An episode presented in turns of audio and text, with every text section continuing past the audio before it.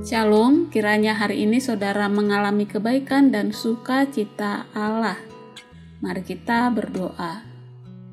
Tuhan kami sudah siap mendengarkan firman-Mu, berbicaralah, dan tolong kami untuk mengerti, dan bisa menjalani hari ini seturut kehendak dan rancangan-Mu yang baik dan mulia bagi setiap kami. Dalam Yesus Kristus kami berdoa. Amin. Pembacaan Alkitab hari ini dari Yohanes 1 ayat 1 hingga 18. Saya akan bacakan ayat 5. Terang itu bercahaya di dalam kegelapan, dan kegelapan itu tidak menguasainya. Anugerah Allah untuk mengampuni dan membebaskan, bukan mempermalukan.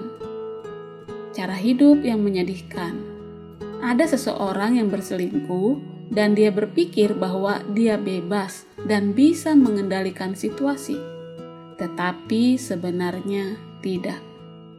Malam itu ia mengajak selingkuhannya ke sebuah restoran di kota kecil tempat tinggalnya.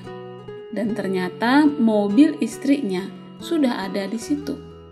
Ia bermaksud pergi ke tempat lain. Untuk itu, ia harus memastikan keadaan aman sehingga mereka tidak kepergok. Merasa bebas, padahal sebetulnya tidak. Bersembunyi, merasa takut ketahuan, mengendap-endap dalam gelap.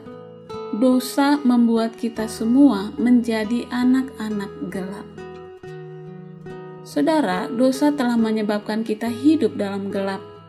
Kita bersembunyi, menyangkal, menutup ini dan itu, berbohong, mencari-cari alasan, menyalahkan, dan membela diri. Semua itu adalah perbuatan gelap dari orang-orang yang takut ketahuan. Lalu, bagaimana anugerah Allah berkarya?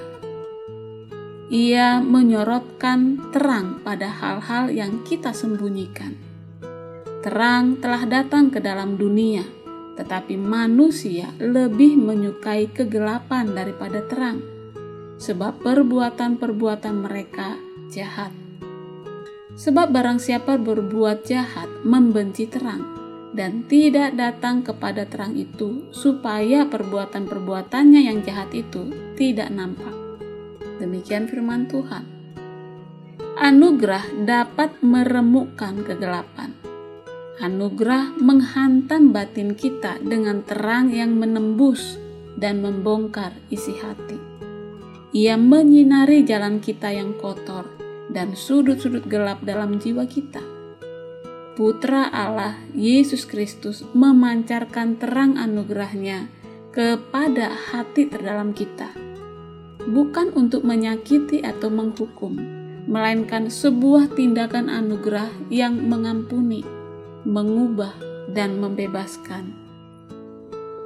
Dia mengusir kegelapan yang kita buat sendiri, sebab ia tahu bahwa manusia tidak akan menangisi apa yang tidak dilihatnya, tidak bisa mengakui apa yang tidak ditangisinya, dan tidak akan bertobat dari apa yang tidak kita akui.